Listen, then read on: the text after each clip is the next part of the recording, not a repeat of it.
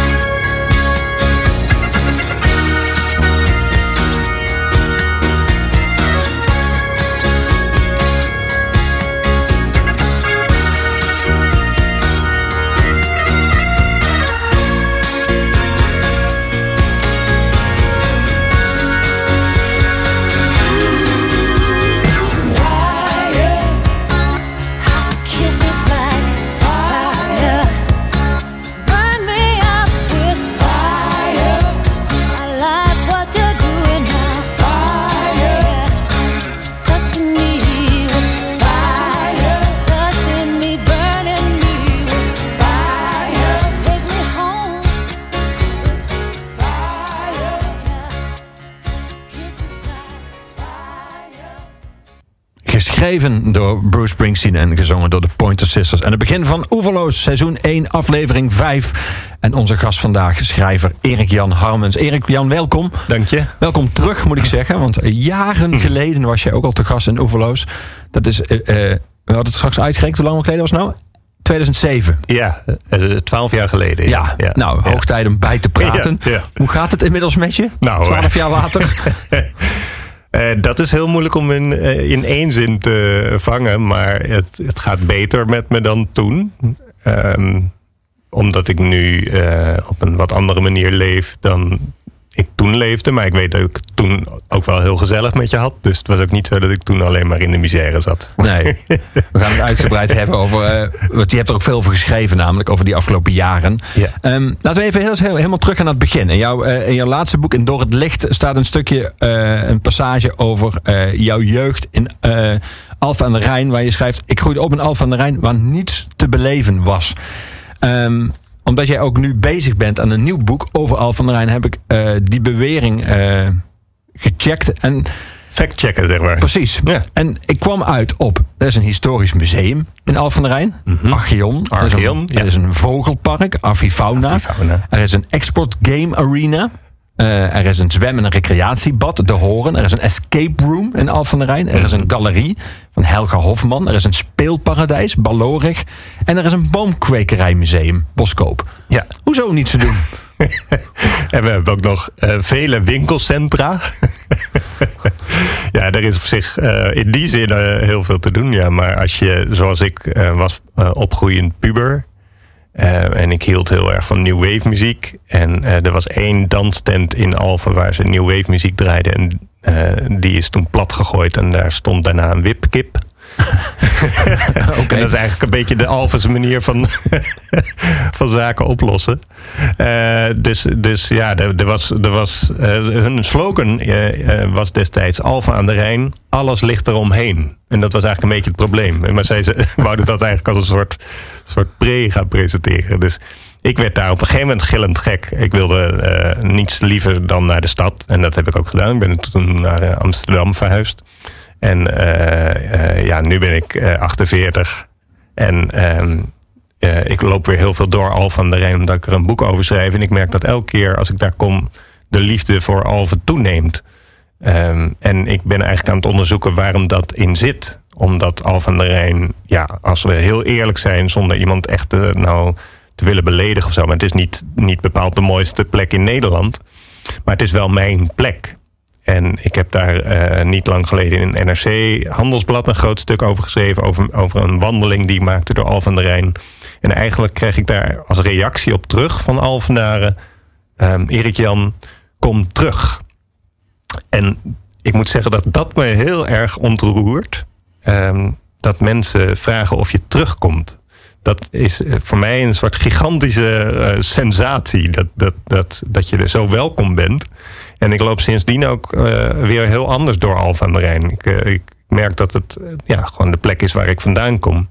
Ik ben er nog niet uit of ik daarheen terug wil. Ik net zeggen, is er een Ja. optie of niet om daar ooit terug te keren? Dan moet ik wel even overleggen met mijn vriendin, sowieso. maar ik zou niet, ik, het is niet dat ik daar 100% nee op zeg. Ehm, ik, ik zit wel eens op Funda, hè, op die website zit ik wel eens te kijken. En eh, vul ik dus Alphen aan de Rijn in. En dan denk ik wel echt van, hmm, zou ik hier kunnen wonen of zou ik hier kunnen wonen? Dus ehm, ja, ik zeg ook niet ja, maar ook niet nee. Ik zit een beetje ertussenin. Ja, ja. ligt er misschien ook aan of je uitkijkt op een wipkip. Ja, dat scheelt ook. Ja, ja. Als Ja. dat zo is, dan ga ik er meteen heen natuurlijk. Maar die verhouding is dus wel. Maar die, die, ja, die is natuurlijk ook. Die, die verandert met jou mee. Die verhouding met waar je vandaan komt. Ik Ja. kan me voorstellen toen je dan net wegging. dat je er bijna gillend wegrende. en dat je het verschrikkelijk vond. En dat het er toen ook onbestaanbaar was. Dat je er überhaupt ooit zou overwegen om er terug te keren. Maar ja, je verhouding met waar je vandaan komt. Is natuurlijk ook eh, eh, een verandering onderhevig. Ja, tuurlijk. En er is maar één plek waar je vandaan komt. Hè? Eh, ik bedoel, ik ben geboren in Harderwijk, maar op mijn derde ben ik naar, eh, naar Alphen verhuisd. En ik, ja, Amsterdam, nu woon ik in Landsmeer. Maar ik kom niet uit Landsmeer, ik kom uit Alphen. En ik ben pas ook met mijn broer een rondje gaan rennen, hardlopen dan om het meer heen in Alphen. Dus dan doe je een rondje meer. Dat is echt zo'n begrip. En ik merkte dat dat thuis is. Ja. En ehm, ja, misschien moet je uiteindelijk toch maar gewoon terug naar huis. Ik weet het niet. Ik, eh, het, het, het- ja, nogmaals, ik zou het moeten overleggen thuis maar, met mijn vriendin. Maar ik zou het op zich toch niet helemaal tegen zijn. Nee. Nee. En was jouw antwoord op eh, verveling en de saaiheid die jij als kind ervaarde van die stad, was dat eh, fantasie? Zeker, ja. ja. Mijn eigen fantasie. Ik ben echt heel veel gaan verzinnen. Ik, ben, ik, ik weet dat ik, nou, laten we zeggen dat ik 12, 13, 14 was. Dat ik dan, als ik fietste door Al van der Rijn, dat ik heel vaak deed alsof ik wielrenner was. En eh, ik was altijd eh, degene die was gedemareerd. En eh, achter mij ja, was een jagend peloton. En ik, ik had in mijn hoofd de stem van de commentator die zei: Harmens heeft nog een half minuut voorsprong. En dan reed ik zo over de Albert Schweitzer in Al van der Rijn. En dan de afdaling, zo deed ik net alsof dat de kool af was. En zo, ja, dus zo maakte ik er nog wat van, zeg maar. Eh, eh, En de andere manier was om veel te lezen. Ehm, Want dan ontsnapt je ook uit die wereld. Dus ik weet dat ik toen ik een jaar of 10, 11 was, heel veel las over de ontdekking van de Zuidpool en de beklimming van de Himalaya en dat soort zaken. En dan was je ook weg. Dus er waren meerdere manieren om daar weg te komen, ja, zonder, eh, zonder daar ook echt weg te gaan. En, en, en werkte dat? Maakte dat ja, heel goed. Ja. ja, zeker. Ja. Ja, ik kan het nog steeds trouwens heel goed. Ik kan nog steeds, als ik ergens ben waar ik niet wil zijn, ehm, hè, het is op zich eh, het meest gezond is om, eh, om dan in gedrag zeg maar, eh, daar tegenin te gaan en die omstandigheden te veranderen. Maar ik heb een andere truc die vaak ook tegen me werkt. Maar ik doe gewoon net alsof ik ergens anders ben. Ehm, dat, is in, dat is niet altijd heel gezond, maar het is wel een soort van talent. Dus ik kan gewoon eigenlijk doen alsof ik ergens niet ben. Ja. En dan eh, het uitzitten, zeg maar, wat er ook maar gebeurt. En dan daarna kom ik weer terug. Eigenlijk voor jou draaglijker, maar voor de mensen dan om jou heen wellicht iets minder draaglijk. Ja, maar die hebben het vaak niet door, want die zien dezelfde Erik Jan. Alleen ik ben er niet meer. Ik heb gewoon mezelf eigenlijk uitgezet. Staat een soort buitenkant. een soort buitenkant. Ja, ik kan gewoon dan eh, verdwijnen. Ja. ja. En eh, eh, dat had ik bijvoorbeeld ook in de periode. Ik bedoel, ik, heb jarenlang heel veel gedronken en nu al eh, eh, zes en een half jaar niet meer. Maar in de periode dat ik bijvoorbeeld katers had, kon ik ook heel goed aan de buitenkant doen alsof het heel goed ging. Van binnen was ik compleet verrot. Maar van buiten kon ik werkelijk 100% aan- eh, doen alsof het goed ging. Op het moment dat ik in zware omstandigheden verkeerde, eh, echtscheiding en dat soort ellende. Ik kon me daar eigenlijk gewoon aan onttrekken. Door te doen alsof, het, eh, alsof, ik, alsof ik gelukkig was, bijvoorbeeld. Het is niet altijd handig, want het is ook wel eens goed om gewoon aan te gaan wat er op dat moment gebeurt. Maar ik ben als een soort Houdini, kan ik toch uit de werkelijkheid ontsnappen en een tweede werkelijkheid creëren. En me daar eigenlijk heel goed in voelen. En dan moet ik af en toe een soort reality check doen, zodat ik eh, weer terugkom naar waar ik echt ben, als je me nog kan volgen. Weet je? Ja. Het is steeds een soort ontsnappen en dan toch weer terug naar de realiteit. Ja. Daar schreef je een heel boek over. Over eh, het einde van die drank. Hallo Muur. Daar gaan we zo dadelijk over praten. Eh, eerst een nummer. Een nummer dat eigenlijk mee te maken heeft. Het is een nummer van Neil Young. Maar het ging jou om een specifieke versie eh, van het nummer van het album Hitchhiker. Want hij heeft dat daarna nog een keer opgenomen. Maar waarom deze versie? Ja, deze versie is opgenomen, ik meen om een uur of twee s'nachts, ergens in een huis. Ehm, eh, hij is daar zwaar onder invloed van drank en vooral ook heel veel drugs. En eh, hij speelt dit lied. eh, je hoort hem een soort hakken op zijn gitaar. Dat deed hij altijd al, maar hier heeft hij, is echt die gitaar een soort aan het mishandelen. En zo een beetje tegen het einde van het nummer hoor je op een gegeven moment dat hij, daar moet je echt goed voor luisteren, maar dat moet je dan als luisteraar nu maar even gaan doen. Hoor je dat hij een verkeerd akkoord pakt.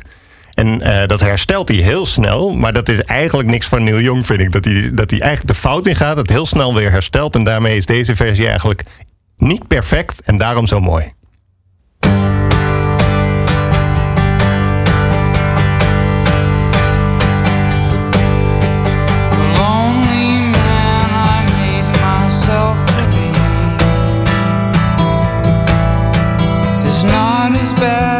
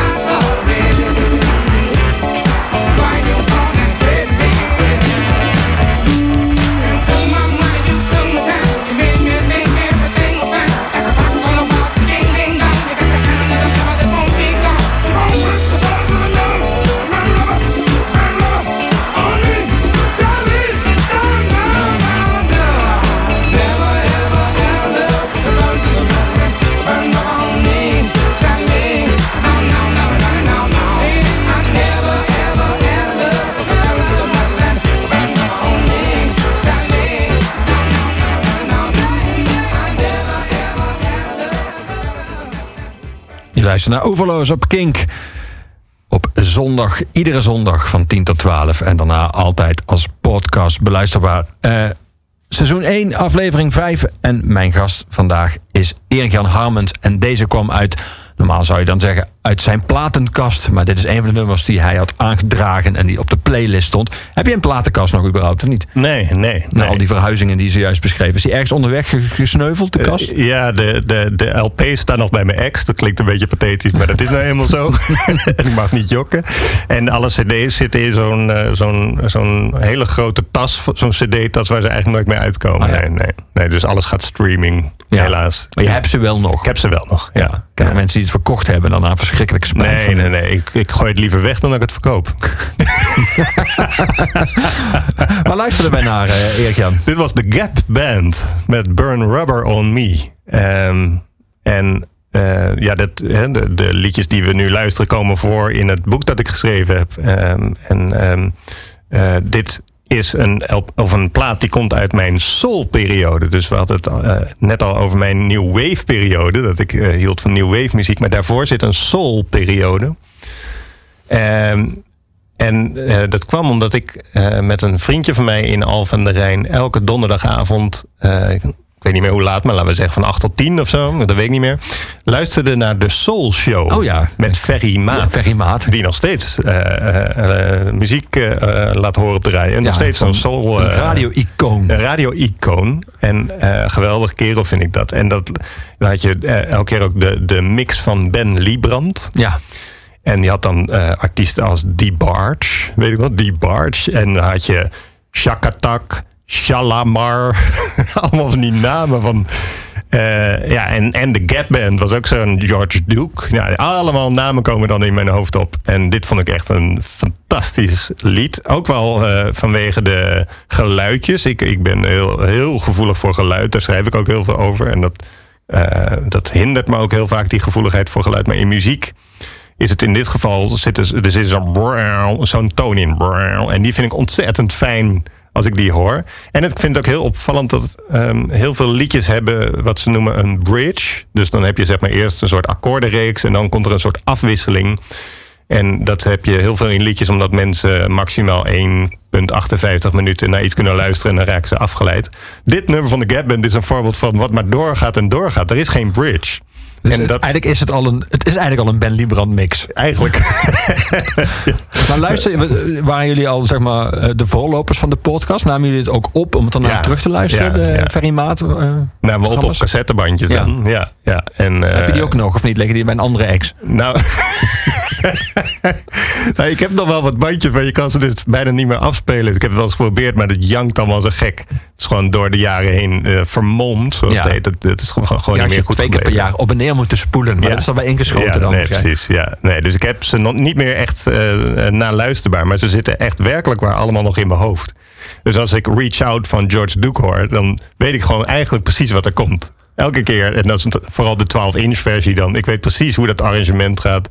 Er komt een soort hele lelijke gitaarsolo. Nou, het is zo'n het is zo'n keyboard, maar dan in de vorm van een gitaar wat hij heeft. Ja. Ik weet niet of je dat nog weet. Ik weet Ja. niet hoe dat heet. Maar zo, ja, het, het klinkt allemaal misschien niet meer echt top. Maar voor mij nog wel. Weet je. En, en voor mij is muziek ook een tijdmachine.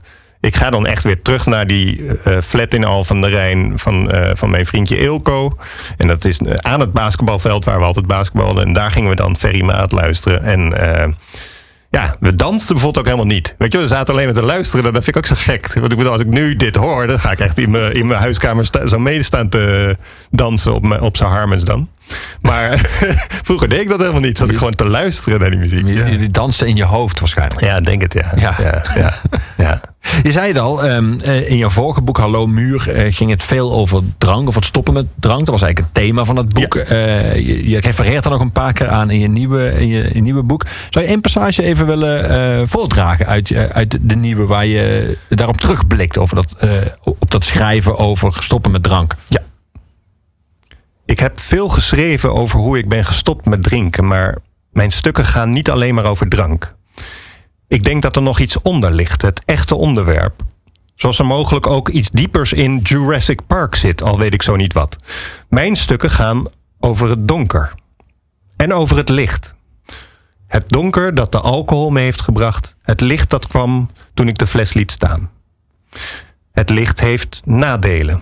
Zo zie ik voortdurend wat ik doe en wat anderen doen, waar in het donker het meeste aan me voorbij ging.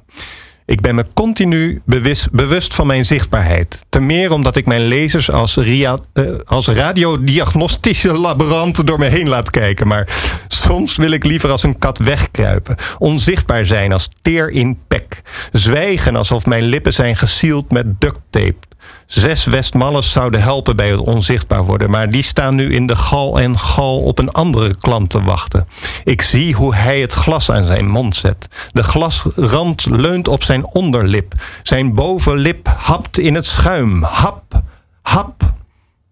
Ik herinner me een scène uit Hill Street Blues, een serie die decennia geleden op televisie was. Er gebeurt iets met commissaris Frank Furillo. Ik weet niet meer wat, ik zou het kunnen googlen. En hij koopt een fles whisky. Dat is uitzonderlijk, want Frank is lang geleden gestopt met drinken. Wat er daarna allemaal gebeurt, weet ik ook niet meer. Dus als ik schrijf, ik herinner me een scène uit de tv-serie Hill Street Blues, dan bedoel ik dat ik me alleen de contouren herinner. Wat ik nog wel weet, is dat Frank alleen thuis aan tafel zit. Of op bed, maar volgens mij aan tafel. En dat hij naar de fles whisky kijkt. Hij kijkt ernaar, minutenlang. In de serie zelf secondenlang, maar het zijn minuten. En dan houdt hij de fles in zijn hand. Hij kijkt ernaar. Hij kijkt nog eens. En dan zet hij de fles weer neer. Zonder hem aan zijn mond te hebben gezet. En dan kijkt hij nog een poosje naar de terug op tafel gezette fles. De drempel zo laag. Hij lijkt wel verzonken, maar hij drinkt niet. Dankjewel.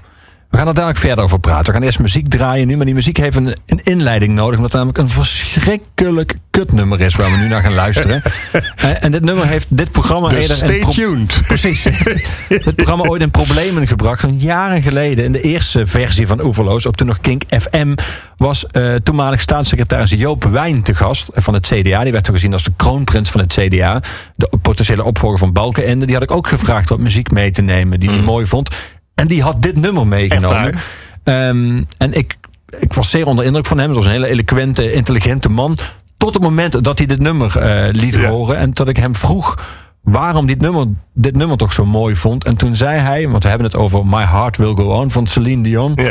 Toen zei hij, je hoort gewoon dat ze het meent. Ja. En toen was ik wel. Toen zag ik de potentie van die man enigszins krimpen. Maar ik herinner me nog dat toen, terwijl het nummer klonk. Er, eh, ik links zo eh, met een schuin oog op het mailbord keek, zeg maar, de, het scherm waar de mails binnenkwamen. Dat er non-stop boedende mails binnenkwamen van luisteraars. Omdat je over het algemeen naar King FM vroeger en nu naar Kink luistert. Om dit soort muziek niet te horen. dus dat alles ter inleiding. Maar misschien kun je het zelf ook nog inleiden, Erik Jan. Want jij vindt het zelf ook een verschrikkelijk nummer. Ja, maar het heeft wel een plek in je leven en in je boek. Ja, en ik zou toch, ik, ik zal een klein stukje uit het boek voorlezen wat hierover gaat. Maar ik wil de luisteraars ook meegeven van blijf luisteren, zodat je daarna weer de schoonheid van goede muziek kunt horen. Je moet soms even dat hele lelijke horen om het goede weer te kunnen, kunnen waarderen. Maar in het boek schrijf ik er dit over. Ik heb een ingebouwde MP3-speler die liedjes afspeelt die alleen ik kan horen. Meestal zijn het stomme liedjes zoals My Heart Will Go On van Celine Dion of The Lady in Red van Christa Burke of Blue Eyes van Elton John en soms het Teletubby-lied. Of de jingle van Calgon. Was een nieuw machine, leven langer met Calgon. Nooit speelt die MP3-speler in mijn hoofd een mooi liedje zoals Give Me Strength van Neil Young of Once You Come On Home van Joan Armatrading of Katie Song van Red House Painters. En nooit staat die speler op pauze, nooit is er stilte, nooit dit.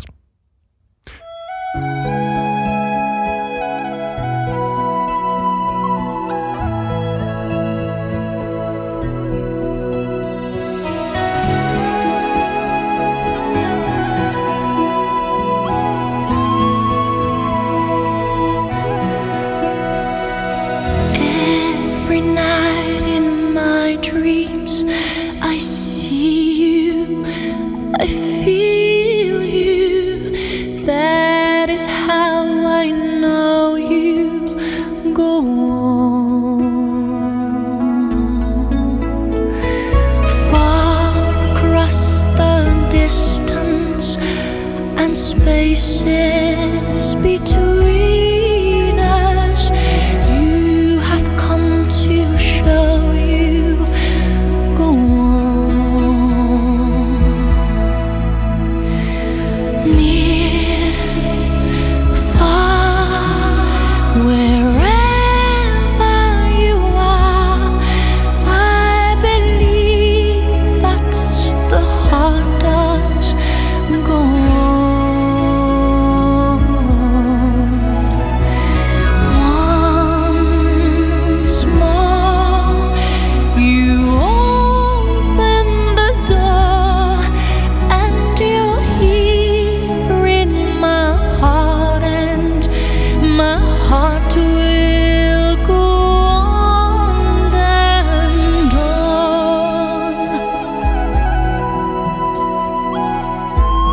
Jan, denk je dat het punt nabij is dat wij allemaal weer de schoonheid zien van andere muziek? Ik zou het nu eh, toch maar eh, wegdraaien.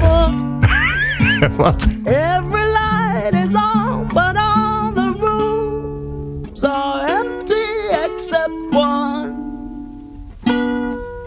Oh, baby, don't stay too late. You know I hate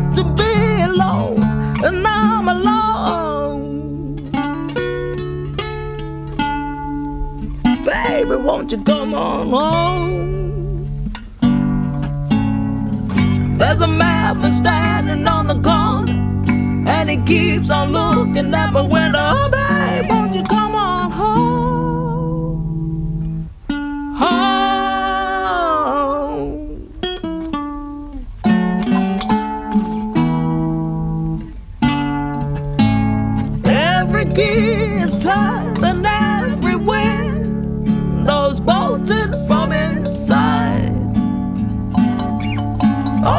Baby, know I get so scared.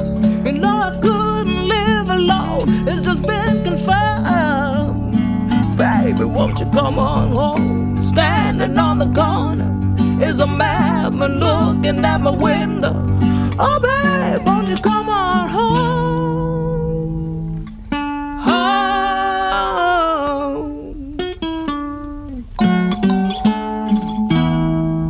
Baby, won't you come on home?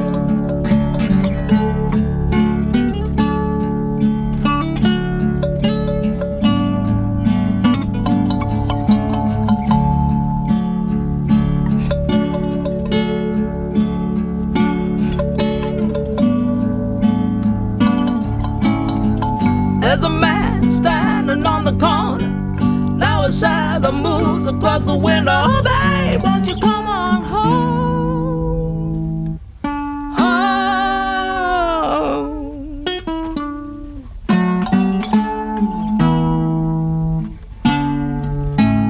Every light is on, but all the rooms are empty except one.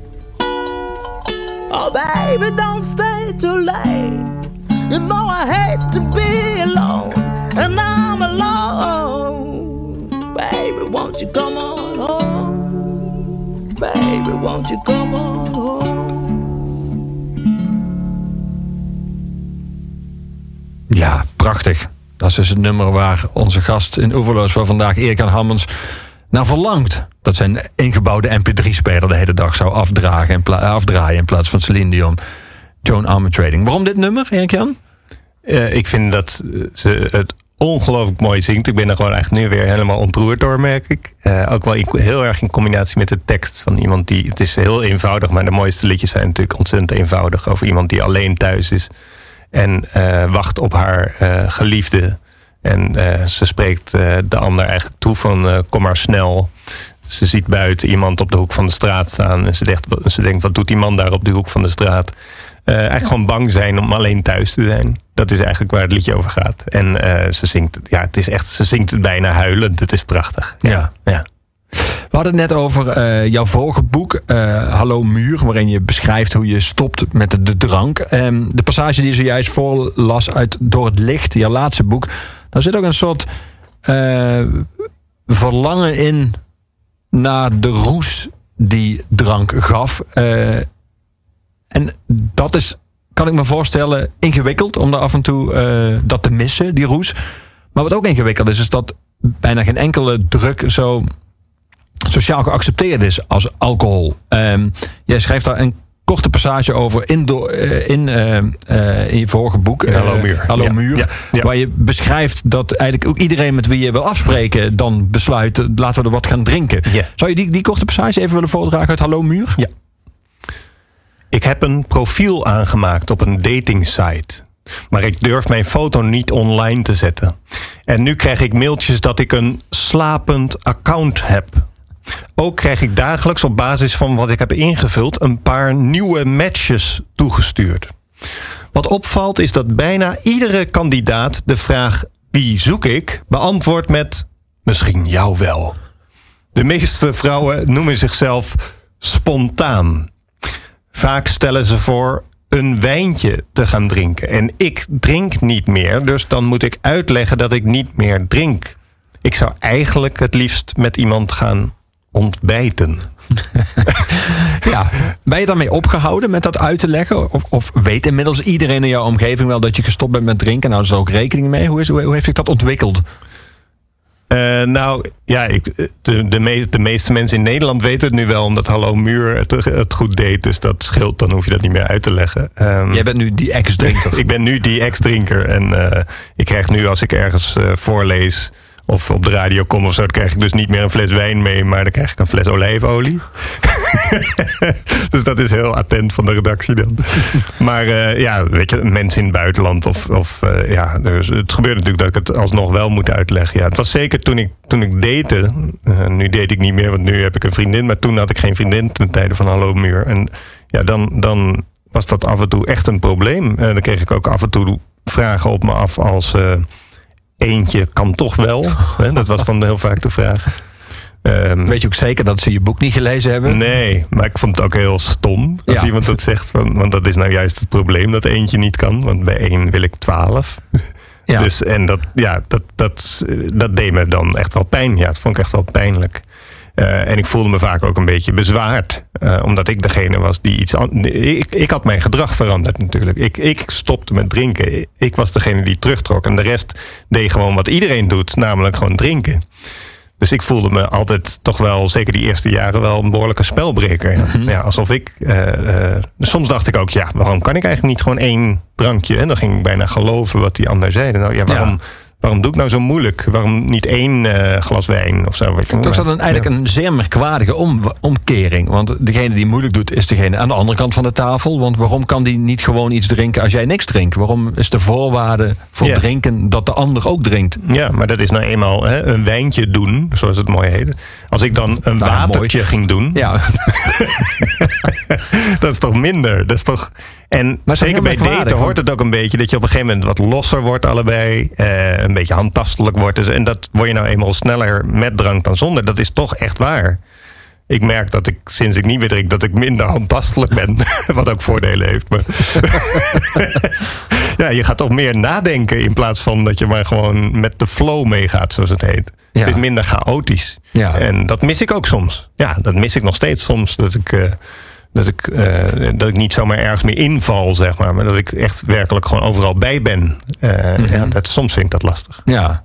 Toch is het een merkwaardige vorm van eh, groepsdruk... waarbij de groep dan misschien af en toe uit slechts twee personen bestaat. Maar zou een afspraak kunnen zijn... nou, dan ga jij lekker eh, los eh, Ja. en dan blijf ik gewoon nadenken. Dan kan ik je ook naar huis rijden Ja, en ja, verstandige dingen blijven zeggen. Ja, ja. En die wijn smaakt op zichzelf ook niet minder als de ander Zou je ook water zeggen, ja, precies. Niet dat jij water in haar wijn gooit. Nee, nee, nee, nee, nee. Het is raar, ja. Want ik vind het echt werkelijk geen enkel probleem als iemand anders wel drinkt. Totaal niet.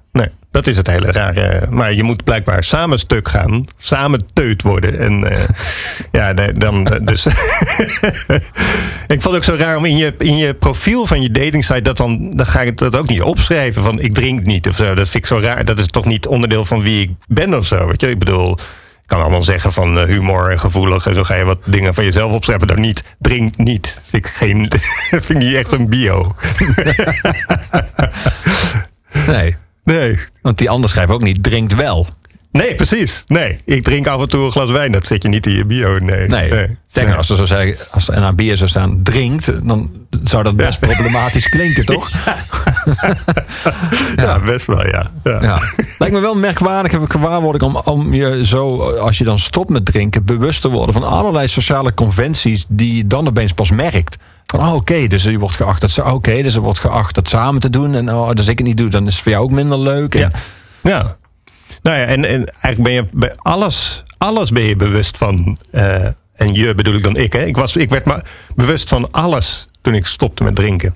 Ehm, dus ook bij daten werd ik me gewoon bewust van... oh, dit is de tweede date, weet je wel. En de ander legt nu de hand op mijn hand. En ik zie haar kijken. Op die, dat is eigenlijk allemaal dingen die je mist als je gewoon drinkt. Want dan zit, ik zat altijd in een soort mist.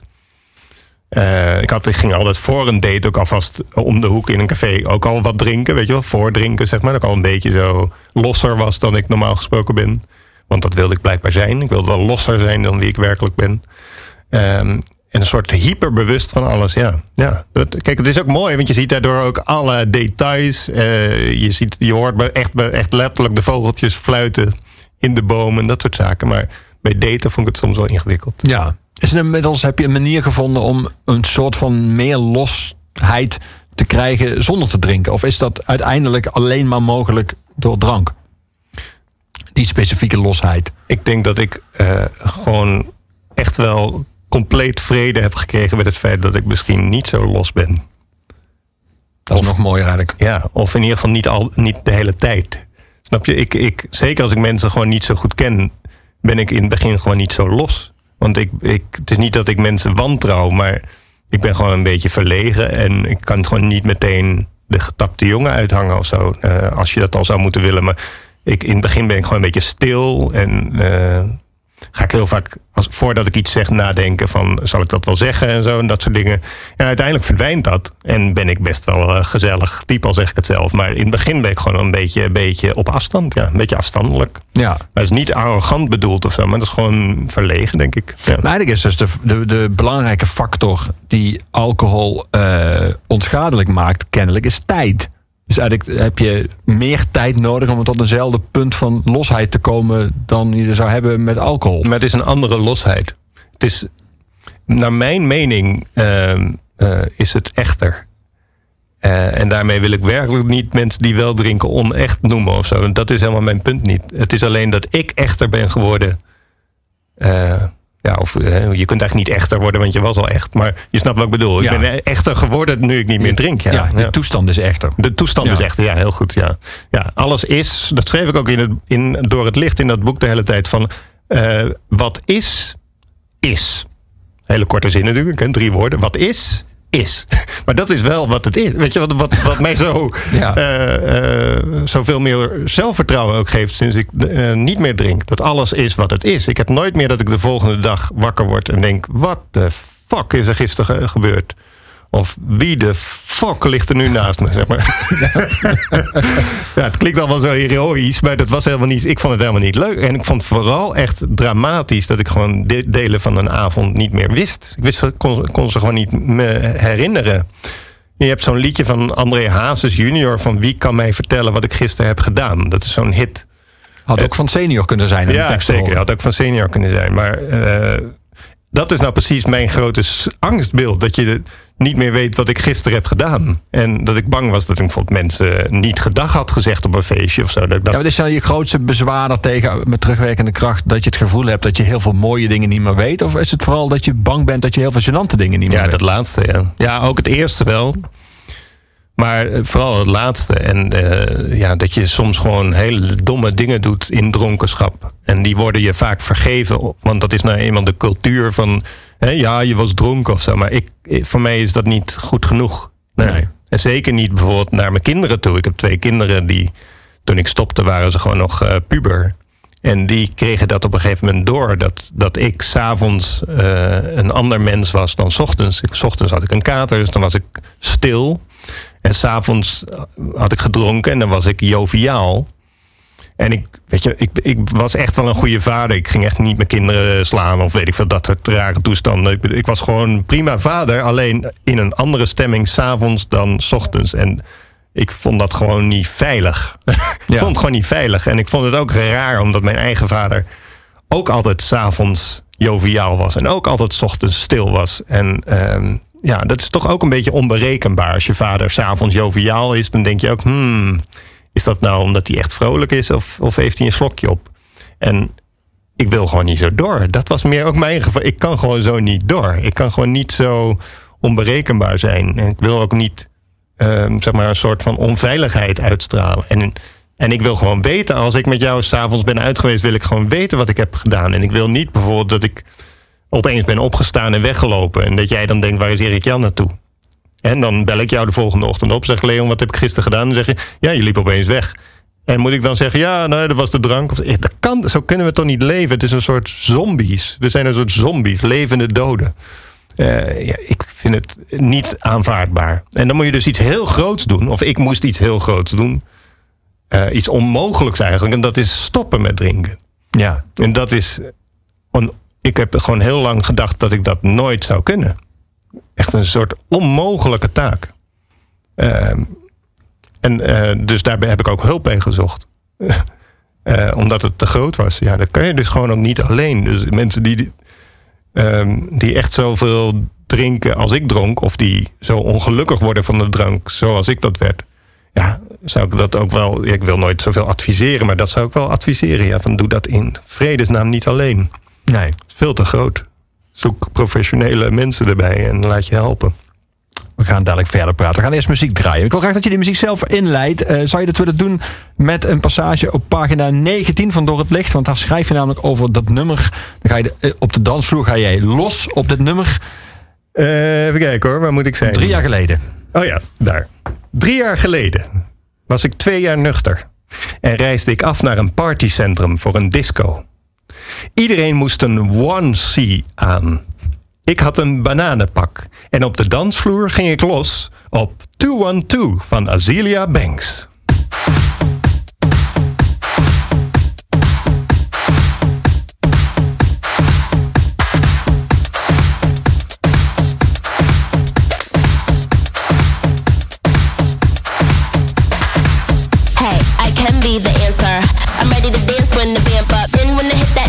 Your camera. You can see you in that bitch shit, the Tampa. In the DM, that young sister beacon.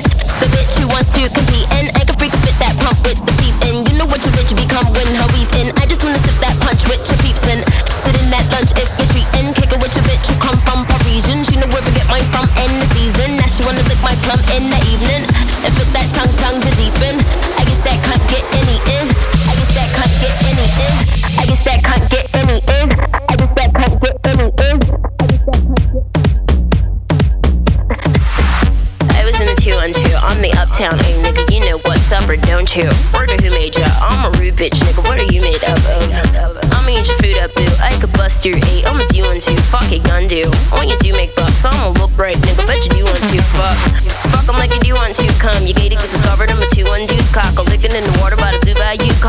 goose. And you do rag too, son.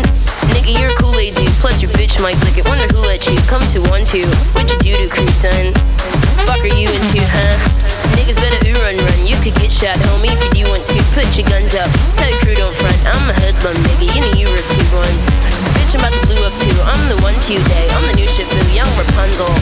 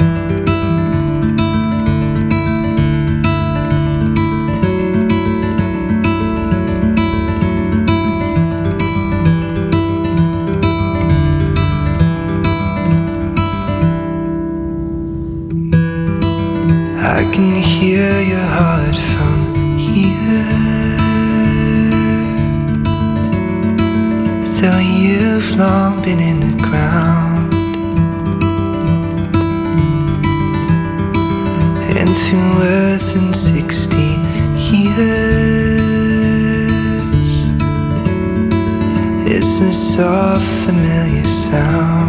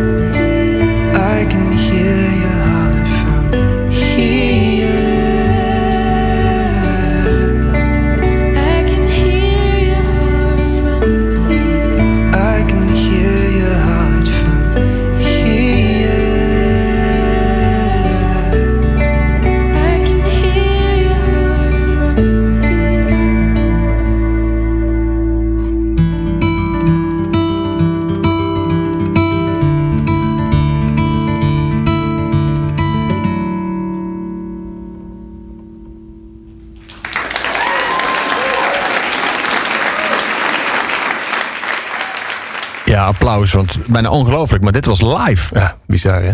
Ja. Wauw. En dit was William Fitzsimmons. Um, en bij hem, ik heb heel veel naar hem geluisterd op het moment dat ik ehm, mijn vorige dichtbundel schreef en ehm, geen huis had en geen drank had en eh, geen geld had eh, en niets bezat behalve gedichten en muziek. Dat was werkelijk de situatie. Ik woonde ergens in een staakerven in Den Ilp ook nog eens. Waar ligt dat voor de mensen die Dat, eh, het Dat ligt eh, tussen, la- tussen Amsterdam en Purmerend. Oké. Tussen Landsmeer en Purmerend. Een klein, heel klein dorpje. Daar woonde ik. En dan luisterde ik. eh, eigenlijk kon ik geen muziek ook verdragen op dat moment. Omdat het gewoon te veel impulsen waren in dit rare hoofd van mij. Dus ik kon muziek niet verdragen omdat het steeds te hard was. En deze man kon ik wel verdragen. William Fitzsimmons. Want die zingt zo zacht. Je hoorde hem nu ook eh, live dan inderdaad. Wat ook een wonder is dat dit live was. Maar zo zachte stem. Echt, dat, dat kon ik dan verdragen. Ja, daarom is dat toch... Moet, ik wil hem een keer live zien om dat, om dat mee te maken. Want eh, het is eigenlijk, zou ik normaal eh, gesproken zeggen... van zit het op het randje van te zacht. Snap je wat ik bedoel? Een beetje bijna te fluffy. ja, Maar op het moment dat je bijna geen impulsen kan verdragen... is dit heerlijk. ja. Was het ook troostend, of niet? Heel erg troostend, ja. Zeker, ja. Ja, ja. Ehm, ja, dat is misschien ook wel. Ja. Als je bijna niks kan verdragen, is dat wat je wel kan verdragen heel troostend. Ehm, en ehm, gedichten waren ook heel troostend. Het was zeker achteraf, maar ook toen al heel louterend... ehm, om een tijdje lang niks te bezitten. Het is heel louterend om eh, geen huis te hebben, geen geld te hebben, geen liefde te hebben, geen niets. Eh, ook geen drank dus. Ik kon ook niet verdrinken, zeg maar. Ik, ik moest het. En, en in die staakerven, ik meen het werkelijk serieus, ik was niet 100% ongelukkig. Ik was ook niet 100% gelukkig, maar het was ook niet 100% ongelukkig. Ik, ik had ook nergens de neiging om te denken van nou, ik stap eruit of zo. Of dat soort dramatische gedachten. Ik wilde gewoon heel erg graag leven. En ik wist ook wel van ja, ik blijf waarschijnlijk niet tien jaar lang in zo'n staakerven wonen. Maar nu even wel. Ehm, en dan had ik dus poëzie. En ik had William Fitzsimmons. En dan was het eigenlijk wel goed. Maar had je ook een behoefte? Ik zou me kunnen voorstellen dat je ook, eh, als je kiest voor het breken met iets dat je best wel lang door het leven heeft geholpen, drank, dat je misschien ook wel een behoefte hebt om dan ook maar de totale bodem op te zoeken. Omdat je dan weer naar boven kan krabbelen. Dus dan, dan ook maar gewoon, zeg maar, cold turkey, maar dan over de hele breedte. Nou, het is wel mooi dat je het woord bodem noemt, ja. Ehm, ik had wel het idee ook dat ik op de bodem was. Had niet het idee dat er nog iets onder zat. dus dat was misschien ook wel fijn eraan. Dat je weet van, eh er is ook zo'n liedje, The Only Way is Up. Ja, van Yaz- Yazoo. Yazoo? Nee, Jaz. Jaz. Yazoo is weer een andere, toch? Nee. Oké. Ja, nou, maakt niet uit. Ehm, maar de, ehm, The Only Way is Up. Dus de, de, enige kant die we op kunnen is omhoog. Dat heeft iets heel, heel eh, vredigs. Ja. Dat als er iets gebeurt, bijvoorbeeld iemand zegt... eh, of mijn uitgever mailt van je hebt royalties eh, zoveel euro. Dat je denkt, oh hey, dat komt dan, dat is goed nieuws. dus dat is gewoon heel eh, simpel. Zo, het is het tegenovergestelde van complex. En dat, dat was op dat moment. Het heeft alles bij elkaar tien maanden geduurd. Die periode van geen huis en geen geld. En tien maanden is best lang dan. Ehm, en ik weet dat ik toen wel weer een huis kreeg. Dat is ook het huis waar ik nog steeds woon.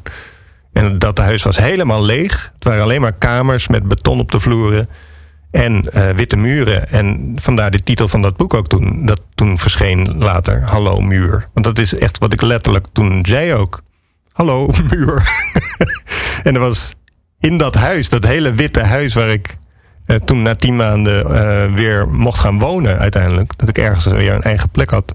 Daar stonden in, ehm, in plakletters op de muur.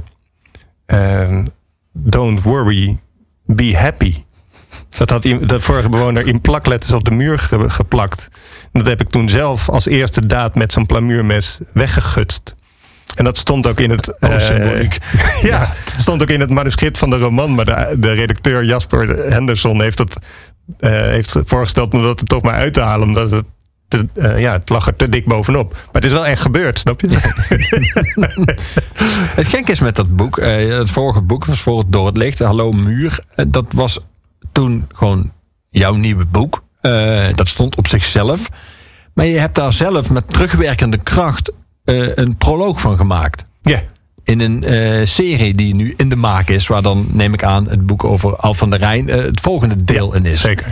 Ehm, dus je hebt in zekere zin je eigen geschiedenis, ik zal niet zeggen vervalst, maar herschreven. Ja. Ehm, Als je dat toen had geweten, had je dat dan anders aangepakt? Eh, was Hallo Muur dan een, een ander boek geweest? Of, of, of maakt het eigenlijk niet uit, maar is het gewoon voor de orde der dingen, alleen al in jouw hoofd, fijn dat hij die Ja. plek heeft? Ik denk dat laatste, ja. Oké. ja het was, het was gewoon bedoeld... Ja, Hallo Muur is geschreven omdat ik echt niets anders kon dan dat schrijven. Ja, ik kon of dat schrijven of ik kon mijn mond houden, zeg maar. Het was één van de twee. Ehm, dus dat, dat is nogal een noodzakelijkheid, zeg maar. Als je het hebt over eh, urgentie, dan, Ja. ja, dan is het of dit of niks. En eh, dat geldt werkelijk ook voor Door het Licht. Dat ik had niet iets anders kunnen schrijven dan Door het Licht. En ik denk dat dat voor dat boek over Alva ook geldt. Dus het zijn boeken die bij elkaar horen. Ehm, eh, die serie die gaat heten De Ware Grote Reeks. En het gaat allemaal over ware grote. Over, ehm, ja, weet je, ik, ik, ik ben aan de ene kant eh, voel ik me klein. En aan de andere kant voel ik me groot. Dit klinkt een beetje stom, maar dat is echt zo. Dus ik ben, ik ben ik heb aan de ene kant een soort gevoelens van dat ik er niet mag zijn of zo. En aan de andere kant ben ik, zoals dat zo mooi heet, megalomaan. Dus dat je groter bent dan de dingen, zeg maar. Ja. En die combinatie kan je dus werkelijk hebben in één persoon. En dat betekent ook dat ik allemaal dingen die ik heb meegemaakt soms opblaas. Dat ik ze veel groter maak. En sommige andere dingen eh, bijna, bijna eh, eh, delete of zo. Omdat ik, omdat, dat is steeds een beetje mijn strijd. Hoe groot zijn die dingen nou eigenlijk? En dat probeer ik een antwoord op te krijgen. En ja, de spoiler alert naar mezelf toe is dat ik daar natuurlijk nooit een 100% antwoord op krijg. Maar die zoektocht is het onderwerp van die boeken die ik nu aan het schrijven ben. Ja. Ik vond ook al. Weet niet precies woord ik daarvoor moet. Aandoenlijk klinkt heel aanmatigend, eh, vind ik. Eh, zo bedoel ik het zeker niet. Maar jij beschrijft in Door het Licht. eh, heb je, heb je het, beschrijf je autisme, maar dat woord vermijd je. Daar gebruik je het woord het voor. Wat natuurlijk als een van de kenmerken heeft dat je een al dan niet dwangmatige behoefte hebt om, om, om dingen in systemen te plaatsen, om het een plek te geven, om het te ordenen. Ja. En vervolgens maak je van losse boeken voor ons allen zichtbaar ook een systeem. Ja. Zodat het voor jou allemaal klopt. Ja. Dat vond ik wel ook wel eh, Ja. fraai. En, en, en dat je is- gewoon openbaar doet. Ja, Terwijl ik dacht, wij hebben daar geen behoefte aan eigenlijk. Nee. Wij snappen dit wel. Dat dit maar kennelijk... ik heb het wel nodig. Ja, ja. nee, ik snap het. Dat, dat, het is, het is, dat is echt mijn eigen feestje. zeg maar. ja, ik vind het gewoon ook heel fijn om te kunnen zeggen... ik werk de rest van mijn leven alleen nog maar aan de ware grote reeks. Voor mij is dat een soort heel fijn vooruitzicht. Want ik ben pas 48, dus ik heb nog wel even, Ja. als het goed is. Ja. Dat weet je nooit, maar daar gaan we even vanuit. Dus dan, dit, voor mij is dat orde, ja. Voor mij, voor mij is dat heel overzichtelijk. Ja. We gaan muziek draaien. Ik wil jou iets laten horen. Eh, de zanger van Boys That's Fire, Nathan Gray, die eh 8 maart overigens in het patronaat in Haarlem speelt. En die fantastisch live is, heeft één nummer geschreven over eh, het moment dat hij inzag dat hij eh, moest stoppen met drinken. En dat was het moment dat hij realiseerde dat hij eh, heel vaak alleen dronk. Ehm, daar heeft hij een prachtig nummer over geschreven. Dit is ook, eh, net zoals zojuist, de live versie ervan. Dit is Nathan Gray met Ebbing of the Tide.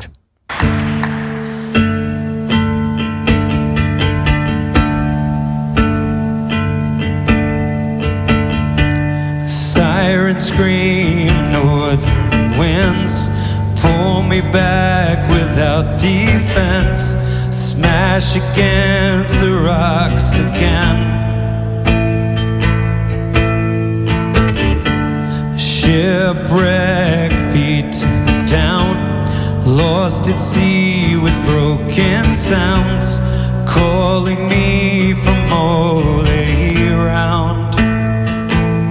So I give what I have left tonight. I give it all back without a fight. And I've already lost my mind so many times. I stand cold and hollow eyed against the ebbing of the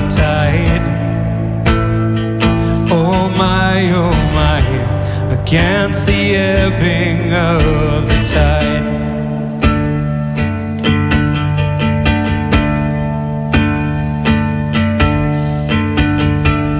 Fear of how this will end, analogies to help pretend that this is our not in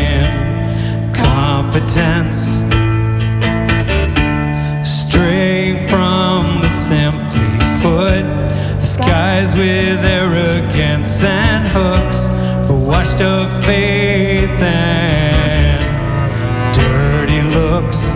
So I give what I have left tonight. I give it all back without a fight. And I've already lost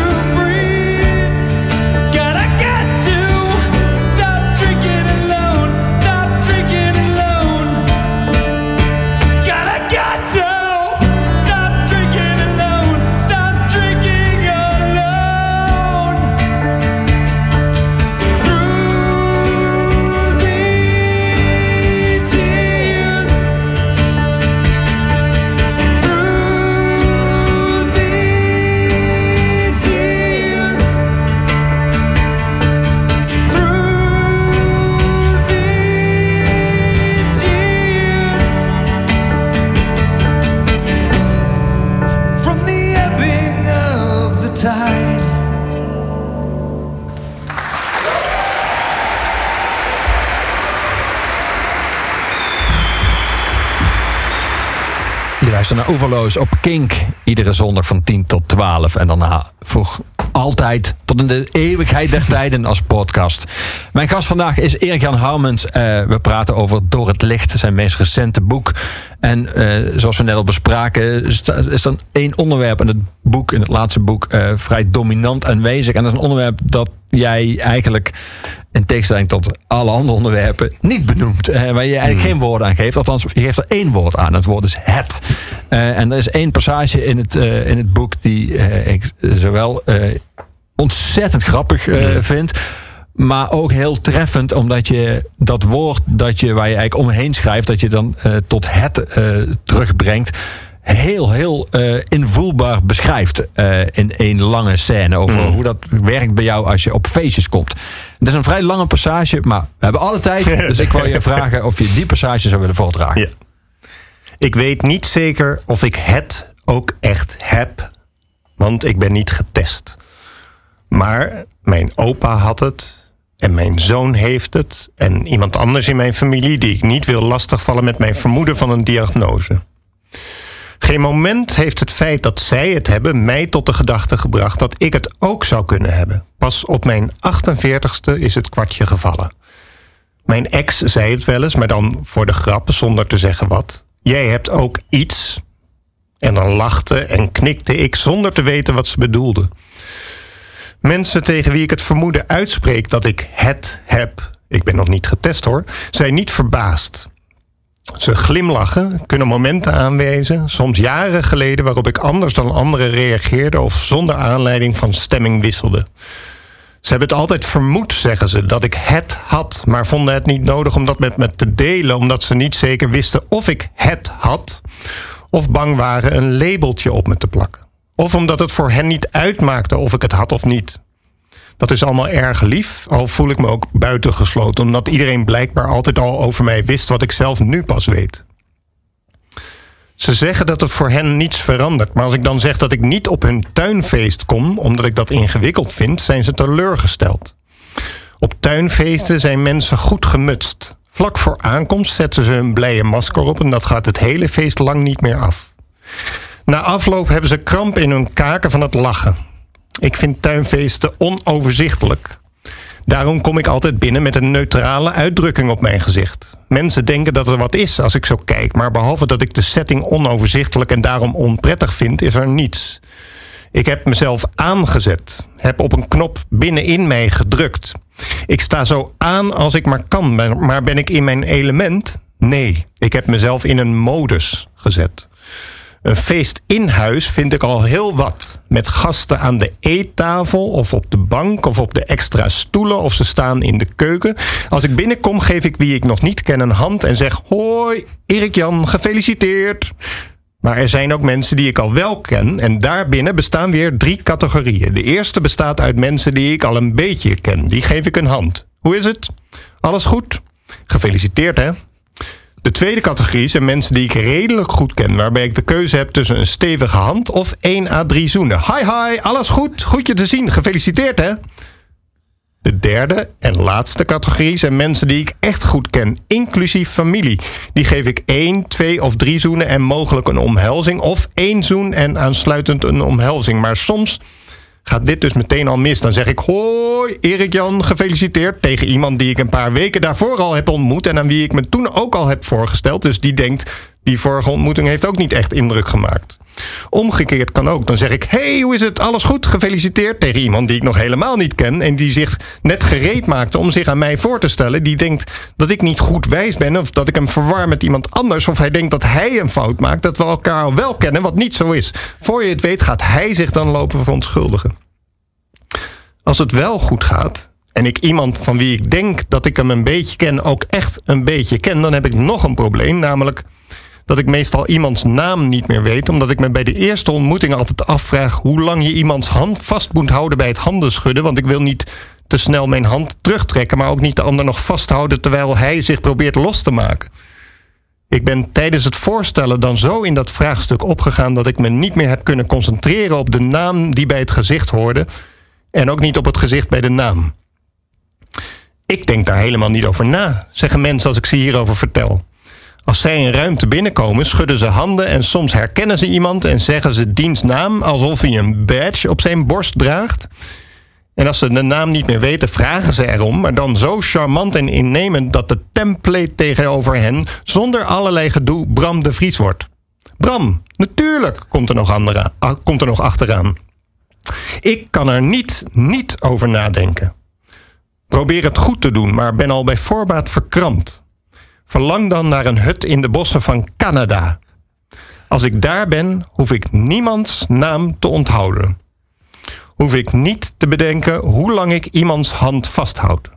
In het ergste geval is er een beer. Houdt hij zich op rond mijn hut, dan heeft hij hoogstwaarschijnlijk honger. Beren zijn dol op bessen. Als ik een handje zijn kant op gooi, is het misschien al goed.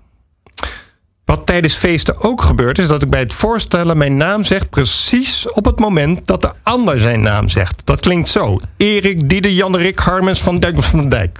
Bij het afscheid nemen zegt de ander: Het was me een genoegen. En ik terug: Insgelijks, zonder zijn naam erachteraan te zeggen, want die had ik eerder niet verstaan omdat ik het onattent vind om de naam niet te weten van iemand die zich even daarvoor aan me heeft voorgesteld en graag met een goed gevoel naar huis wil, verzin ik op de valreep een list en stel Mr. X voor aan iemand uit de categorie mensen op het feest die ik echt goed ken. Oh, dit is trouwens Petra, zeg ik.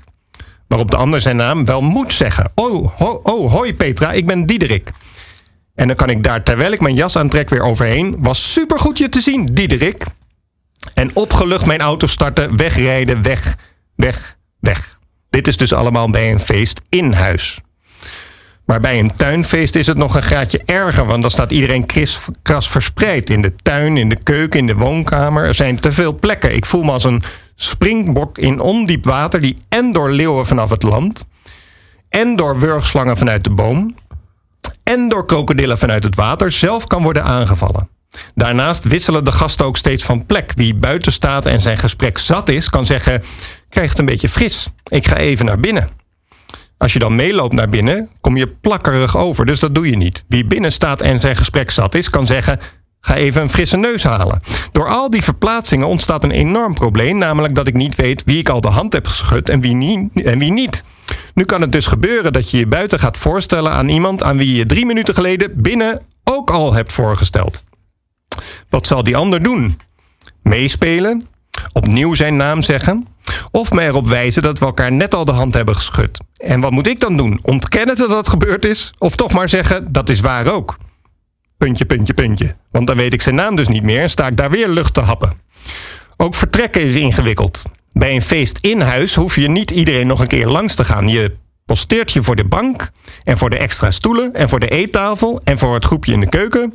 Je steekt je hand op en je roept hoi hoi of fijne avond nog. Maar waar posteer je je als je vertrekt tijdens een tuinfeest? Je kunt niet op een omgekeerd bierkrat gaan staan tegen een glas tikken en als het helemaal stil is geworden zeggen beste mensen, ik ga er vandoor. Fijne avond nog. Hoi hoi. En ik kan ook niet tot het laatst blijven, want na een uur gesprekjes voeren die steeds worden onderbroken omdat iemand er tussendoor komt om mij of de persoon met wie ik sta te kletsen een hand te geven of een zoen met aansluitend een omhelzing, of weet ik veel welke groet er is bedacht, zit mijn hoofd vol tot boven de streep en moet ik echt weg.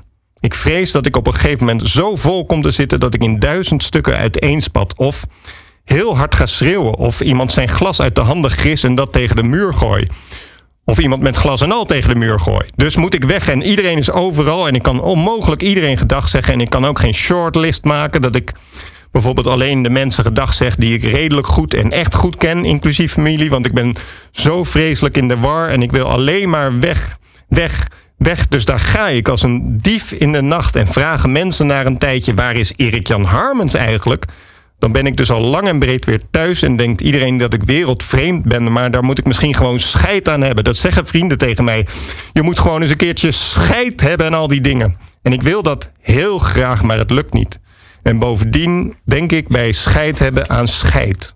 Een vriendin zei me dat ze altijd had gevoeld dat ik anders was, omdat ik een beetje staccato in mijn communicatie ben. Jij doet altijd zo van huh? En dan, en dan, en dan, huh, zei ze. Terwijl ze bij elke huh, haar romp of armen bewoog als een houten klaas. De rest van dat gesprek is langs me heen gegaan... omdat ik mezelf zag als een marionet aan touwtjes. Ik heb het ook, denk ik. Het. Ik weet het niet zeker. Als het niet zo is, is het ook goed. Of als ik het niet 100% heb, maar 40%. Maakt niet uit. Wat wel uitmaakt, is dat het meteen zo'n woord is. Zwaar als een aanbeeld. Dat woord dat begint met een A en net zo absoluut klinkt als alcoholisme.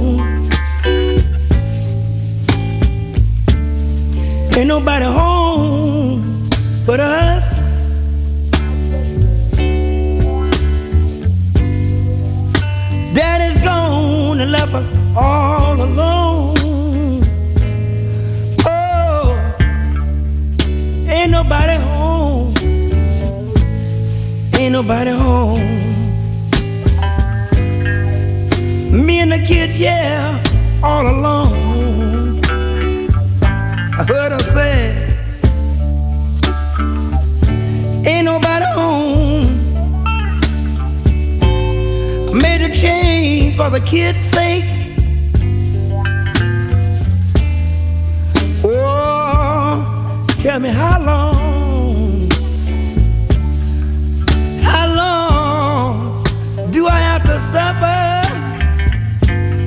How long do I suffer for one mistake? So tell me.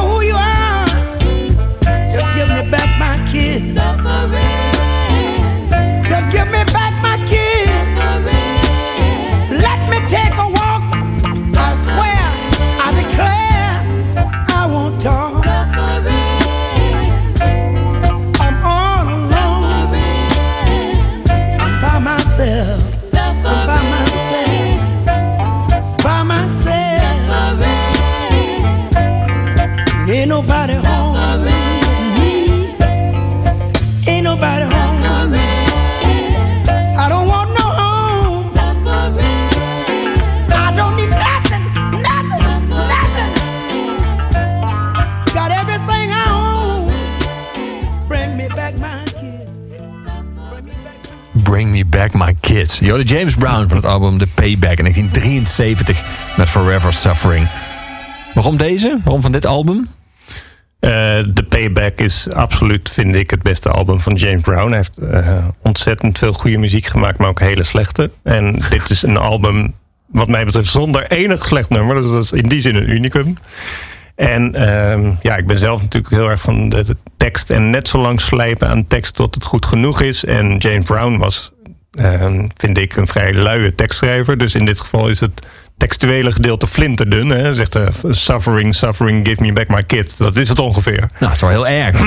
Het is heel is erg. lijden, maar, man. Als je ja, kinderen weg zijn. Ik zou denken, ga daar een mooie, mooie tekst bij maken. En dat het goed, goed eh, klinkt en goed metrisch loopt. Dus, hij, hij brengt het gewoon zoals het is. Maar dan wel met zoveel bezieling dat dat, dat eh 100% overkomt. Dus Ja. eh, fantastisch. Ja. Ik zie nu eigenlijk pas dat het nummer echt, dat, dat album echt episch lange nummers. Die laatste Ja. drie zijn allemaal boven de 10 minuten. Ja, het gaat gewoon weer door en door en door. Ja, heerlijk. Wat is jouw verhouding inmiddels, eh, nu jij je laatste twee boeken als eh, onderdeel ziet van een groter, nog verder te bouwen geheel, eh, met jouw werk daarvoor? Jij schrijft, vond ik een vrij pijnlijke, pijnlijke passage in Door het Licht. Schrijf je op een gegeven moment, een aantal van mijn boeken bleef onopgemerkt. Het lijkt alsof ze nooit zijn verschenen. Voor de mensen, voor de mensen die denken dat ze wat ze nu in hun handen houden mijn tweede boek is, het is mijn vijfde. Als wat ik maak niet wordt opgemerkt, voel ik me weer precies zo verlaten als toen ik een kind was en op een broodje rookkaas koude. Daarom eet ik nooit meer rookkaas. Sommige van die boeken, je schreef in, 19 in 2012 een eh, fantastisch en even tragisch als hilarisch boek. De man die in zijn eentje de Olympische Spelen organiseerde. Ja. Over een zekere Ron van Dijk. Ja. Een man met een zwak voor evenementen, voor grootschalige evenementen. Ja. Een geboren organisator die ook twee keer het ceremoniemeester was geweest bij een bruiloft. En nu in zijn eentje vanuit zijn Phoenixwijk samen met zijn personal assistant de Olympische Spelen van Nederland en België organiseerde. Ja. Dat was echt een fantastisch boek. Is dat een boek waarvan je achteraf vindt dat het eh, om, niet is opgemerkt en daardoor bijna een soort van niet verschenen is? Ja, ja. En het is, ik ben ontzettend trots op dat boek. Terecht. Ik vind, het zo ik vind het ook geweldig dat ze dan die hele Olympische Spelen hebben georganiseerd bijna. En dat iedereen denkt, oh fuck, de Paralympics. Weet je wel? Gewoon de, ja. En ik heb zelf jarenlang in eh, eh, managementfuncties gewerkt. In, ook alweer lang geleden. Maar dat heb ik veel grootschalige evenementen or- georganiseerd. En toen dacht ik altijd van, ja, ik ben daar helemaal niet goed in. Met dat hoofd van mij is dat misschien ook niet zo verwonderlijk. Maar ik heb het toch lang gedaan. Eh, ehm, gigantische eh, evenementen. En, en eh, daar is dit een uitvloeisel van. Van dat je eigenlijk bij wijze van spreken dus in je eentje de Olympische Spelen organiseert. Niemand ehm, snapte echt, denk ik, wat ik daarmee bedoelde of zo. Ehm, en ja, ik had zelf daarna op een gegeven moment het idee van ja, het lijkt echt net alsof het niet is verschenen, ja. En eh, eh, dat schrijf ik dus ook eh, Ja. eerlijk op in dit boek. Ja. Het gebeurt met heel veel boeken. Hè? Dus ik ben echt niet de enige. Ik schrijf ook gedichten. Nou ja, daar heb je het helemaal vaak dat je denkt van... weten mensen wel dat deze dichtbundel is uitgekomen? Maar ja, er zijn gewoon weinig mensen die gedichten lezen. Er staan ook die onderwerpen. Je had ook daarna een boek, vond ik ook heel fraai trouwens. Een kleine doorschijnende man. eh, Ja. eh, met drie hoofdstukken. Concept, contract, proeftijd en contract voor onbepaalde tijd. Ja, ja. Dat was zeg maar de naslag van de corporate Erik Jan. Ja, Die daar nog in door... eh, zeker, staan, staan die boeken ook niet alleen een tijd, maar ook thematisch ver van je af nu? Of, of niet? Zijn die, wel, zijn die wel nog steeds lief? Nee, ze staan thematisch heel dichtbij me, omdat ze altijd gaan over menselijkheid. Maar kijk, wat ik denk is dat, eh, eh, en dat is ook de reden dat ik zo ontzettend blij ben met eh Lebowski, mijn uitgever, en met of mijn uitgeverij, met Oscar van Gelderen, mijn uitgever. Ik heb een beetje hulp nodig bij het presenteren van die boeken. Het schrijven van die boeken kan ik wel. Maar het presenteren van die boeken vergt een soort special talent. En daar heb je echt gewoon een hele goede uitgever voor nodig die dat eh, over het voetlicht kan brengen. Ja, eigenlijk moet je dan een soort permanente tuinfeest in. Ja, eigenlijk moet ik dan permanent dat tuinfeest in, ja. Kijk, ik moet eigenlijk gewoon iets beter leren uitleggen wat ik maak. En dus als ik zo'n boek schrijf over eh, iemand die in zijn eentje de Olympische Spelen organiseert, dan moet ik eigenlijk zeggen: Nou, dit is eigenlijk een metafoor voor toen ik zelf grootschalige evenementen organiseerde. Ik heb eh, heel veel met theatergroepen gewerkt. En ehm, eh, op locatie met Johan Simons en eh, Paul Koek en dat soort figuren. Fantastische dingen. Tot ik op een gegeven moment gewoon. Dat begon me allemaal boven het hoofd te groeien. Ik kreeg een ongelofelijke burn-out. En ben toen er gewoon uitgesodemieterd uit die wereld. Ik, ik trok dat gewoon niet meer. Ik was er gewoon niet geschikt voor. Als ik dat verhaal erbij had verteld, hadden misschien mensen gedacht: oh, dat is, dan willen we dat wel lezen. Maar ik heb gewoon altijd gedacht dat dat eh, voor zichzelf moest spreken. Ik vind dat een, vind ik eigenlijk nog steeds heel eerlijk gezegd, dat een roman gewoon een kunstwerk is dat voor zichzelf moet spreken. Maar zo werkt het gewoon niet. Je moet het gewoon toch eh, vertellen. En je moet mensen daar nieuwsgierig naar maken. En dat is gewoon niet mijn grote talent. Nee, ik ben toch iemand die echt helemaal in dat verhaal zit. En dan volledig gedreven en gepassioneerd, zeg maar. Ja, dat verhaal schrijft over iemand die in zijn eentje de Olympische Spelen. oh, Hoe moet je dat nou doen? In je eentje de Olympische Spelen organiseren. En hij denkt, ja, er zijn zoveel dingen waar ik aan moet denken. Ehm, weet je wat? Ik concentreer me op één ding. Dat denkt die organisator uit het boek. En dan gaat hij zich concentreren op de catering, op de broodjes. Maar dat is ook al gigantisch complex. Ja, ik vind het fantastisch. Maar je moet het aan de buitenwereld denk ik eerst even uitleggen voordat je dat boek uitbrengt. Ja. En dat geldt voor mijn eerste roman zeker ook. Ja, over die contracten. eh, ja, dat is zo. eh, dat klinkt zo eh, technisch dat je denkt, nou, terwijl er zit heel veel gevoel in. Maar dan moet je iets beter over het vo- voor het voetlicht brengen. Ja. Ja. Maar zie je deze samenhangende reeks boeken als... Is dit gewoon... Zou je, als je zeg maar nadenkt over wat je later wil worden... Ja. Is, dan, is dat dan allemaal boeken in deze reeks? Zeg maar, is alles eh, in die zin hyperpersoonlijk wat je nu gaat maken? Eh, ja, dat, dat is wel wat ik wil gaan doen. Ja. Ja. Eh, afgewisseld met gedichten. Dus ik, ik blijf wel altijd, denk ik, dichtbundels uitbrengen. Dat is, poëzie is voor mij toch een beetje de levensader, om het zo te zeggen. Dus, en die boeken, die, de proza-boeken, de romans, die zullen denk ik hyperpersoonlijk zijn. Maar Daarmee ben je dus voor de rest van je leven de hoofdpersoon van je werk. ja, ja. Ja, dat betekent dus dat ik af en toe ook vrij moet nemen. Ik moet af en toe stoppen met schrijven. Of een tijdje iets anders gaan doen, want anders word je gek. Want ehm, ehm, het, het gaat niet over ego.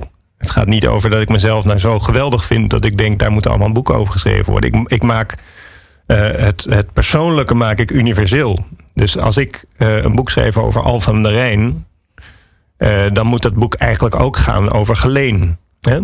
Waar jij vandaan komt. Ja. Maar, hè, want het gaat niet over Alphen als plek. Eh, het gaat over het Alphen gevoel. Van waar je vandaan komt. En door het licht eh, gaat het in principe over contact maken. Over, over intimiteit. Over iemand toelaten.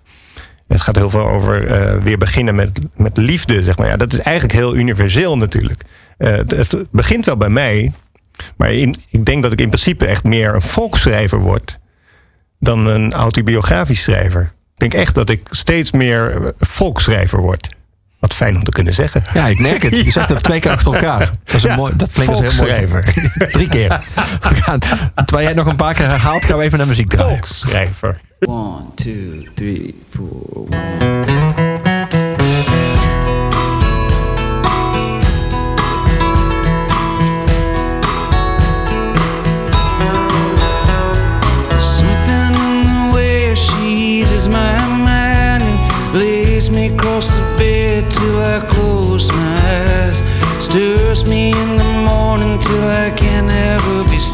Satisfied. In Carolina every night in my dreams, like the girls that try to love me that I only leave. Rock me like a baby doll and hold me to the chest, but I'm always moving too fast. And if I could find my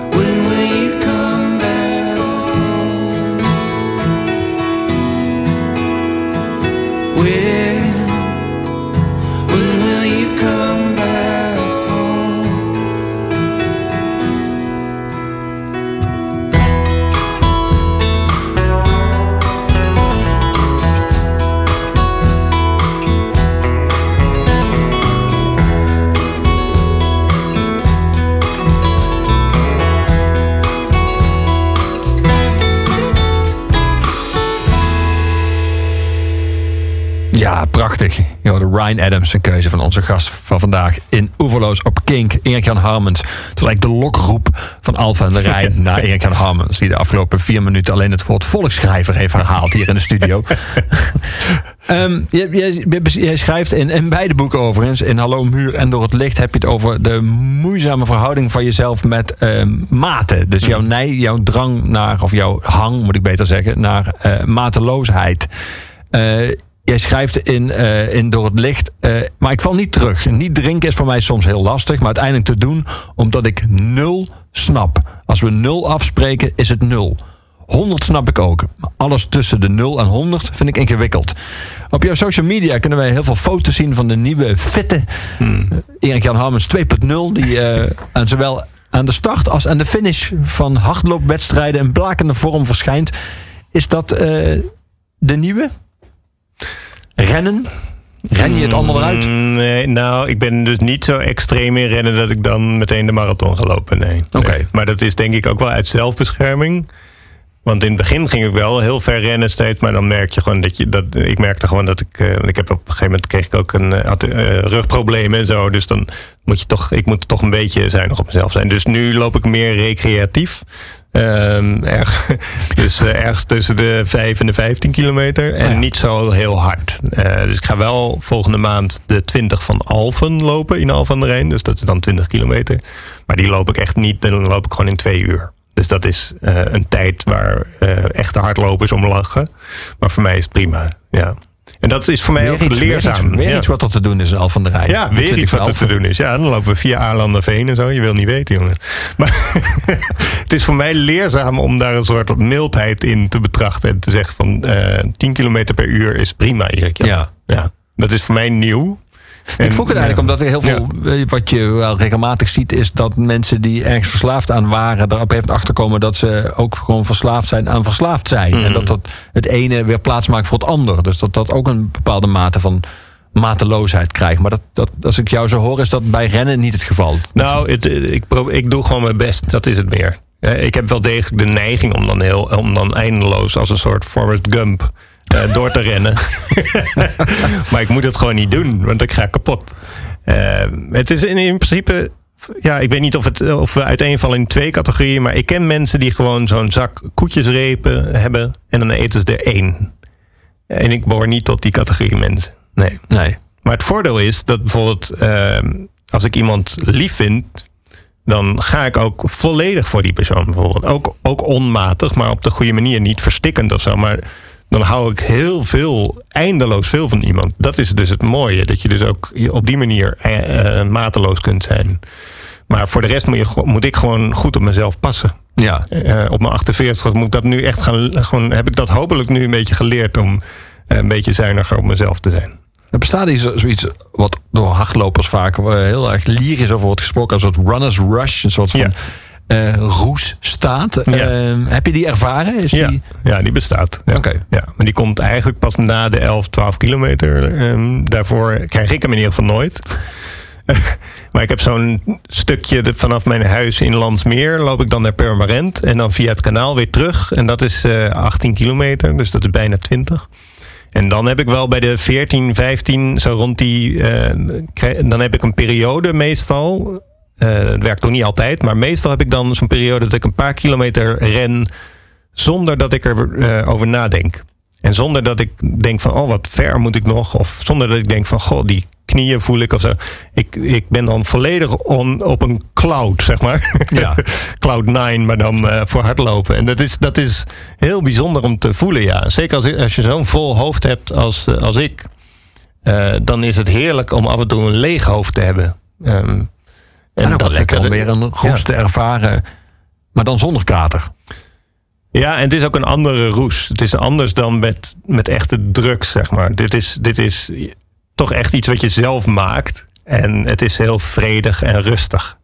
Terwijl bij echte drugs, eh, drugs, een beetje moeite met uitspreken opeens van dat woord drugs. Maar eh, bij echte drugs heb ik toch dat ik, dat ik denk van ja, maar nu ben ik niet in controle. Dus ik raak altijd een beetje toch in paniek daarvan. Ja. Eh, maar bij deze niet. Bij deze ben ik helemaal vredig. Ja. En helemaal ja, gebalanceerd. Dus, ehm, en ja, je bent ook buiten. En je krijgt gigant, is echt een gigantische trip. Maar dus heel anders dan drugstrips. Dit zijn opeens drugstrips van vogeltjes, wat ik al zei. Hè? Zo'n Ja. kanaal waar je langs loopt. Mensen die je groeten. Dan krijg je, oh, wat, on- wat ontroerend. Iemand groet me of zo. het is fantastisch. ik weet nog dat ik een keer langs het voetbalveld liep bij eh Purmerland. Daar kom je dan langs.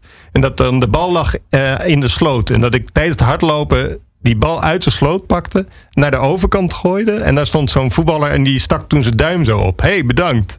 Toen voelde ik me zo verbonden. Weet je, want dat was natuurlijk een beetje, ik was een beetje stoned door het lopen. Maar dat, dat soort geluksmomenten krijg je dan. Ja, En de dag daarna word je wakker met spierpijn. ja dat wel. Maar dan moet je gewoon lekker in bad. Gaan we doen. Dankjewel dat jij was vandaag, Erik-Jan Harmens. Door het licht, zo heet hij. Het meest recente boek. En daarvoor Hallo Muur. Je moet eigenlijk gewoon allebei tegelijk kopen, want ze horen bij elkaar. En wanneer komt Al van der Rijn?